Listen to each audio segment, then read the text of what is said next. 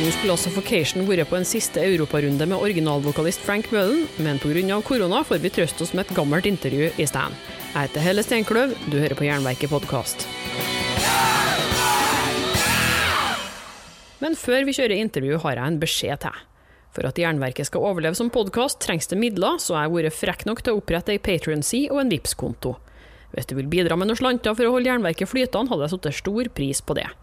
Du kan gi månedlig via Jernverkesida på patrion.com jernverket, eller gi en enkeltsum via VIPS nummer 567438. Beløpet er selvsagt valgfritt. All informasjon står nederst i episodebeskrivelser med ei lenke som fører rett til kassen.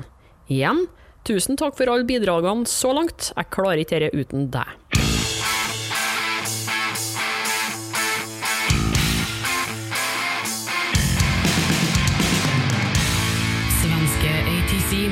Med Right her på Jernverket på Radio Rocks FM 90,1. Og på fredag i forrige uke spilte det amerikanske death metal-bandet Suffocation konsert på Inferno-festivalen. I den forbindelse fikk jeg tatt en prat med vokalist Frank Møllen. Og vi starta intervjuet med å snakke litt om hvordan bandet oppsto, og om historikken til Suffocation. Det hele starta i 1988, eller 89 ca. Og vi kan jo egentlig bare høre på hva Frank hadde å fortelle om det.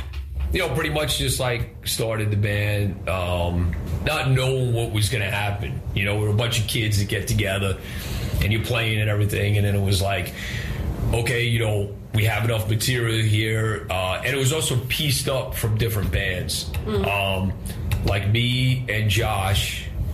Barohn, uh, the you know the, the original bass player, uh, we had kind of like branched out on our own, and we had like I came up with the name Suffocation over the Morbid Angel song uh, on Altars of Madness. So like I was like, oh yeah, yeah, that's it. That's the that's that's the name of the band. So we had some different musicians, and on this side it was Terrance Hobbs, Mike Smith, Doug Cerrito, this kid Billy Reyes, and Chris Basile, and they were in a band called Mortuary uh, Mortuary kind of like, you know, just stopped playing. And then we were still trying to push forward. And then once that happened, and like, you know, the members came over. So uh, a lot of the songs from the very beginning of Suffocation were mortuary songs. That's pretty much where it all started. We put out our first demo. Um, again, in like 1989, Reincremation demo. Uh, then we put out the Human Waste EP because we got picked up. Uh, Matt from Relapse he was just starting out. Like we, we were, we were his first band Oh, you were? on on the late. Yeah, yeah. Like he didn't have any anything, and I remember like like the deal was so like you know shitty and like crazy. You know, it was like all right, uh, you'll get like 500 albums like free. Like and we were like, oh, sick, you know, because like you know, you don't know. We were like, so we we uh, he he put out Human Waste, and then from there, then then it started. Then that's when it kind of like things started happening. Like uh, we we started shopping around at different labels, and we started getting interest from like Metal Blade, Century Media, and then Roadrunner hit us up. And at the time, we, we figured, you know, Roadrunner was definitely the the biggest label, kind of like for you know really heavy music. They had Obituary, um, Exhorder, DSI. You know, they, they had a lot of good bands on, on the label. So uh, we went over to Roadrunner and um, put out our three albums: Effigy of the Forgotten, '91. Uh, Breeding Spawn was like 93, I think, and uh, Pierced from Within was like 95, 96, somewhere around there. And then the band kind of like went through a, uh, like kind of like a splitting up. You know, I, I I was married and stuff, so you know there was like tensions on this side. It was like, oh, you know, like, you know, when are you gonna when are you gonna like you know stop doing the band stuff and da da da. And there was that going on. Plus, it was the scene. The scene at that point in like right around 2098 the the death metal and, and you know hardcore it, like it started really dropping out mm. you know people weren't attending shows anymore like for whatever reason it, it just oh i'm forgetting uh, we threw in uh, despise the sun at that point because once we were on uh, roadrunner roadrunner had dropped us then after from within and at that point um, a friend of mine, mine our, our manager from the very beginning, Jason Fligman, he wanted to set up like his own label. So we were like, all right, you know, we'll help you out, and he was going to like help us out because we didn't really have a label at that point. So we were like, let's just put out a small EP and just see, you know, what kind of buzz it generates, and then maybe we'll get interest, you know, from our labels or anything. So we put out the Despise the Sun um, EP, and that was in '98. So then, pretty much right after that, '98, you know, so like late '90s, 2000, that's when the band pretty much separated, broke up. Uh, took a little hiatus or whatever, and then a few years later, uh, I went through a divorce and everything, and then uh, so I was kind of like, well, like that was crazy like I stopped doing something I enjoyed, and then now this. So I'm like, you know, well, it, that that just made no sense. I was like, really? I called up the guys and um, you know just started trying to get a feel. And pretty much, yeah, Mike Smith, uh, Terrance Hobbs, uh, they were definitely on board. Um, I reached out to the other guys, and uh, you know, for whatever reason, it just didn't work out. They didn't get back to me. Uh, Guy Marchais had been um, jamming with Mike at the time, and I played with him before. He was at the very beginning of Suffocation, so he was like, "Yeah, you know, I, I'd, I'd definitely be interested." And uh, so, you know, we pretty much uh, got back together. Josh Barohn came into the band as well, uh, the original bass player didn't last too long. Uh, he's a little crazy and stuff, but you know that's when Derek came into the band shortly after that, and then you know we've been putting out albums uh, ever since like 2003. So it's been about 10 years of uh, albums now. Det sa Frank Mullen, vokalist i Suffocation. Og siden vi nå holder på med et langt Suffocation-intervju her i Jernverket, passer det å åpne det med å spille ei av låtene fra debutplata deres, 'Involuntary Slaughter', er henta fra 'Effigy of the Forgotten'. Suffocation og Involuntary Slaughter her på Jernverket på Radio Rocks FM 90,1. Og vi holder på å spille av et intervju med nettopp Suffocation, som jeg gjorde under Inferno-festivalen i helga.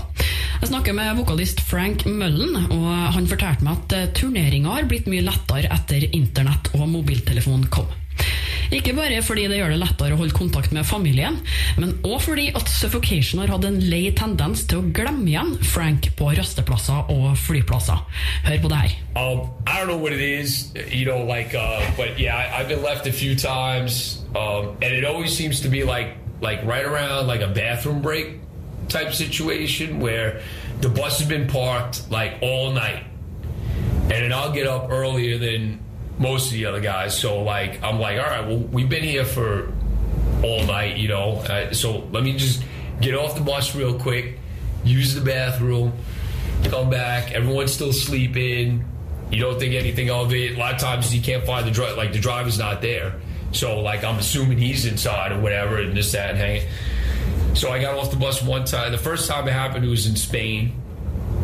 I got off the bus, and that was in the early '90s. So I didn't know what to do. Like I got off the bus, went inside, uh, came back out, and I'm like, the bus was parked right here, and then I couldn't find it. So then I was like, well, either A, they're going to find out sooner or later, or B, I'm just going to be living here at this rest stop because, like, I had nothing on me. I had no, like, you know, no money, no, no, no, you know, so, like, no way to call or anything or. And then nowadays, you know, most most everybody, you know, you have cell phones on you, things like that, so you can get in touch with somebody. So uh, I guess about an hour down the road, they realized that I wasn't on, and then they realized, okay, well, the only place we stopped was that rest stop. So they came around, and sure enough, there I am sitting on the corner, you know, on the curb, and they pull in, and so, and another time, the, the the other time that was probably even crazier was uh, I got left at an airport. I was involved around a bathroom situation. Like uh, we landed and we had a, a quick changeover uh, going down to uh, I think it was Ecuador. Uh, no, down to Peru. So uh, what happened was we got in, went, grabbed something quick to eat. They were still eating, the rest of the guys, and I'm like, I'm gonna go and I'll meet you right at the gate. I go down there, and this is what's messed up sometimes too about your bandmates, because like they should have made a stink as far as I'm concerned, but as they do, I'm in the airport. Nobody gets up. Nobody says, "Hey, wait a minute, you can't close the door." Like he's in there, you know, like like he didn't leave. So I go. I don't hear anything in the bathroom. That you, you, there's no like you know Frank Mullen to the gate. You know, last call, whatever. So I wasn't even in there that long. Get up, go to the gate. I see there's like nobody at the gate except for the two ladies, and I see the plane. The plane's still right there, and I said, I was like, uh, "Did they already board?" And uh, she's like, "You know, where were you? Like, you know, we, we, were, we were calling for you, and da da." And I'm like, I was in the bed. I said, I didn't hear anything, and. uh so she's like, "Well, no, it's it's too late. You know, the, the door's closed or whatever. We can't open the door." I was like, "You you don't understand. Like, I have to get to this show. Like, I see the plane. Sure enough, plane left or whatever, and then I had to figure out a way to uh, get it the next flight, which then flew me to Panama and then back down to. So you got Sure. the concert. You you made it. Yeah, I made it, but you know. so I'm resourceful. I'll get there. I'll figure it out. I'll get there. But so I, I try to keep things to the minimum now. So I try not to like miss, you know, miss flights or miss things. But have you ever missed shows because of uh, things like this? no. No, ne- never missed the show. Al- Always like managed to, to get there. The, the other time was in France, and uh, we had I'd gotten off in Belgium, Belgium again, and they drove all the way from Belgium to France without realizing I wasn't in the bus. They get to France, they realize I'm not on. They had to have some guy drive from France all the way back to the spot where I was at, and then drive all the way back. Like I got there probably about an hour before we were supposed to go on. Wow. so, but yeah, yeah, yeah, yeah. So I, I try not to do that anymore. Frank Møllen fra Suffocation som snakker der. Og det er òg Frank som har fått plukka ut mesteparten av musikken i Jernverket i dag. Det første vi skal høre fra han, er Napalm Death med The Code Is Red. Long Live The Code. Litt annet enn det vi er vant med her på Jernverket på Radio Rocks eh, der. Burnt by the Sun heter bandet, med Dracula with Glasses. En melodi som er plukka ut av eh, Suffocation-vokalist Frank Mullen. Og det er han eh, vi har snakka med i Jernverket her i dag. Suffocation er jo hylla som et av de virkelig eh, innflytelsesrike bandene i death metal-sjangeren. De er blitt trukket frem som innovatører og pionerer. Men hva er det egentlig som gjør dem fortjent til det her? Vokalist Frank Mullen han sier at de er beæra over å få den skryten, og forteller her hvorfor han tror de blir sett på som litt annerledes. Well, we grew up, it was Long Island, New York. So I listened to everything. It, it wasn't just you. You weren't just like into one category of music. It wasn't like just black metal. It wasn't just thrash. It wasn't just. We listened to it all. So our music incorporates a little a little piece of all of that. You know, whether it's a little bit of you know thrash that was in there, death metal, uh, hardcore. You know, for the breakdown. So like we incorporated everything that we kind of like grew up on and what we listened to. So I think at the time when the band you know first came out, it was like completely different than what a lot of the the other bands were doing at the time. So like. um so that that's that's the only thing that that I can think of that like you know like where, where people have said you know oh you know like you know you guys were you know innovators of doing that. And and, it's- and it's just because just where we grew up and and just uh, just how we wanted to put the music out there. Like we didn't want it to just be you know either just really really fast or really slow and heavy. You know we wanted elements of all of that. So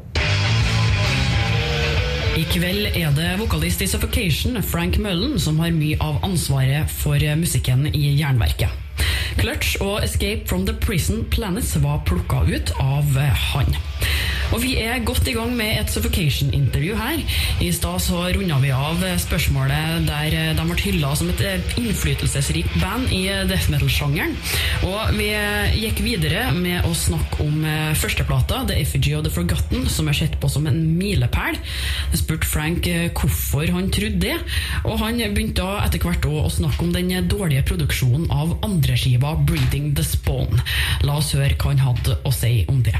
At the time, you know, the music for that was, you know, definitely like over the top. Uh, compared to a lot of the things, and you know, because I have friends of mine, and even like Derek, our bass player, like he's he's younger than us, so he, he tells us this story all the time where like, you know, he he had bought Effigy of the Forgotten and listened to it, and he's like, yo, this is crazy. I, I don't even know what's going on. But have so he gave that to a friend of his who had gotten, I think, I think he said like uh, Morbid Angel, blessed are the it was, it was something like that.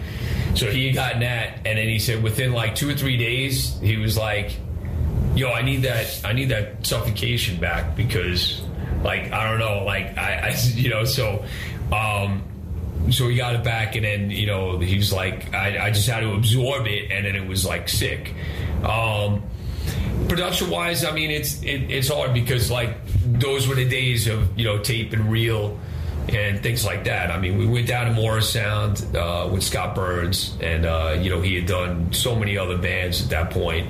And um, I think for the time, I, I think it, it, it, came out as a great production. Uh, Breeding the Spawn is is the one that came out really horrible because okay. Breeding the Spawn, we we were gonna go to Scott Burns, but the record label wouldn't allow it. We were like, you know, are you kidding? Like Scott Burns was easy to work with. He's a great guy. He knows what he's doing. And then now you want us to find somebody. So we got kind of stuck where we were trying to find, you know, different uh, recording engineers. Nothing was working out. So then now we had more of a budget. So we went back to the place where we did Human Waste. And uh, Human Waste is not the greatest production either. And uh, so we went back there thinking, okay, you know, with more of a budget, you know, more time and things like that, we could probably get this done. And it was a nightmare. It, it was like some songs the drums sounded one way, then they sounded another way, and it was like, it, like you could just hear it. It was like it's all over the place on that album, and that's kind of why uh, we've been adding like breeding songs to each of our albums. Mm-hmm. So you get an idea of what it would sound like with a real production. So like on this, uh, the Pinnacle of Bedlam album, we put uh, Beginning of Sorrow. Uh, we put that song on there and gave it a real production and everything. So now you can, you know, like, and, and that's kind of what we've been doing throughout all our albums is is adding breeding songs at the end is kind of like a bonus clip or whatever, and you hear the way it's supposed to sound because mm-hmm. we, we got totally screwed on that album, and then that's why on Piercing Within, Roadrunner was like, you know, do what you want. You know, if you want to go to Scott Burns, we're not going to say anything. You know, like go ahead and do it because they, they knew they messed up. Yeah. So. Du hørte Frank Mullen, vokalist i Suffocation, uttale seg der. Og hva er vel mer naturlig enn å spille Morbid Angel, som egentlig ga navnet sitt til Suffocation med låta Suffocation. Vi hørte Morbid Angel med Suffocation her på Jernverket på Radio Rocks FM 90,1. Og den var plukka ut av Frank Mullen, som er vokalist i Suffocation. Og det er nettopp han vi har intervju med her i kveld. Vi skal høre mer fra han straks, etter en liten pause og Carcass. Du hører på Radio Rocks FM 90,1. Det her er Jernverket. Og vi fikk nettopp Carcass med 'Lavaging Expectorate of Lysergid Composite'. Ei eh, låt som var plukka ut av vokalist i Suffocation, Frank Mullen. Og han har vi snakka med her i nesten hele kveld. Intervjuet nærmer seg dessverre slutten. Men en del av dere som er Suffocation-fans, har sikkert lurt på hvor det ble av eh, DVD-en eh, som var lova, 'Legacy of Violence'. Jeg spurte Frank hva som hadde skjedd her, og hvorfor den aldri kom ut. Yes, I, I feel horrible because it's like you know, and, and, it's a lot of great footage, and and I'm, I, I mean I'm pissed because it's like we given this project to this to this guy John Bigford, and uh, he you know he come recorded a bunch of shows. Like he came and out to us and recorded, you know, us hanging out, doing things like, you know, me going out at a gun range or like this, that, you know, so like behind the scenes stuff, you know, us hanging out with our friends, partying, this, that, you know, so you get to you get to see kind of like what it's like also outside of doing the band stuff. And he got a lot of great footage. And then like so, you know, so every time we'd be asking him like, you know, like, okay, is it almost ready? Like, like we want something now, like you know, because that that was 2010. So when the self-titled album was getting ready to come out, it was like, okay, yeah, we want to release it right around the same time. Is it going to be ready? Ah, you, you know, like I, I still want to get this, or I still want to. Fine, then Blood Oath, you know, like we want to release something in between, like, wait, and then uh, it just got to the point where we are like, you know, like forget it. Like you know like you know you're not doing anything you know? So we have a guy now um, that did our newest video as grace descends and uh, he also did the making of dvd for the uh, the new album that's in there. I don't know if you got a chance to see that it's uh what we did on this Pinnacle Bedlam, you get a either you get the CD or you get the CD and the making of DVD. It's about an hour and a half or whatever, and it went into the whole background of putting this album together and you know interviews with all the guys and stuff like that. And he did a really nice job with that. So he did that on this. And uh, he also did like a lyrical video for one of the new songs and stuff like that. So, but he's he's going to take everything that the other guy had plus add some new stuff and then he's he's going to put something together. So so so the material. So so keep uh, yeah keep on fingers crossed that it, it, it, will get done sometime within this year time frame or something like that. Like like because he's he's really spot on. Like this guy, you know, I mean he put that making of DVD together in no time. Du har hørt et Suffocation-intervju fra 2013. Likte du det, kan du f.eks. høre episodene med Autopsy, Bloodbath og Kadaver. Neste uke kommer det et splitter nytt intervju som ikke er tatt opp over telefon. Omsider! Death by Unga Bunga. Jeg kan jo bare snakke på vegne av oss alle i hele Østfold. Men det er sånn, Østfold kommer jo til å forbli Østfold, og østfoldinger er østfoldinger. Og så er øh, folk i, fra Bærum og Asker får være den de er. Du klarer ikke å merge de folkeslaga der noensinne. Abonner på Jernverket podkast via podkastapp, eller gå inn på jernverket.kom.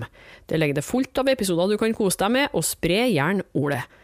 Vil du bidra med litt penger for at jeg skal kunne fortsette, kan du gi støtte via Patrion eller Vips. Og da er det òg kult om du slenger inn ei god anmeldelse av podden der du lytter. Fem stjerner, vet Og husk på å følge Jernverket på Instagram og Facebook for konkurranser, diskusjoner og musikalske tips. Jeg heter Helle Steinkløv og gir deg et nytt eller gammelt hardrockintervju hver fredag. Vi høres!